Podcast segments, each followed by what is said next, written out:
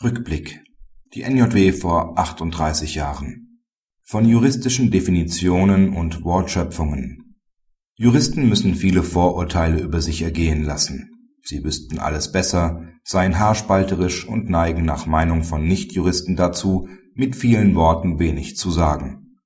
Solche Vorurteile mögen vereinzelt zutreffen. Manch Kritiker mag aber verstummen, wenn er erfährt, was ein Jurist zu leisten imstande sein muss so soll er kurz und bündig, am besten noch in einem Satz, definieren, was das Wesen der künstlerischen Betätigung ist.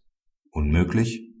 Nicht für den BGH, der sie in der vielbeachteten Mephisto-Entscheidung NJW 1971, Seite 1645 als freie schöpferische Gestaltung definierte, in der Eindrücke, Erfahrungen, Erlebnisse des Künstlers durch das Medium einer bestimmten Formensprache zu unmittelbarer Anschauung gebracht werden. Ein wirkliches Highlight juristischer Wortschöpfungen ist der Weiterfresserschaden, entstanden in dem sogenannten Schwimmschalter-Urteil des BGH (NJW 1977, Seite 379), das auch durch die Schuldrechtsreform nicht an Bedeutung verloren hat. Vergleiche dazu den Online-Aufsatz von Schollmeier in diesem Heft nur selten hat eine Bezeichnung so viel Aussagekraft wie diese Wortkreation.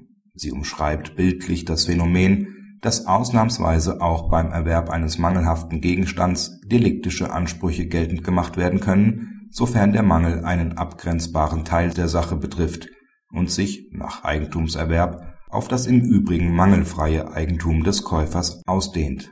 Welche juristischen Begriffe zählen zu Ihren Favoriten Schreiben Sie uns an leserbriefe@njw.de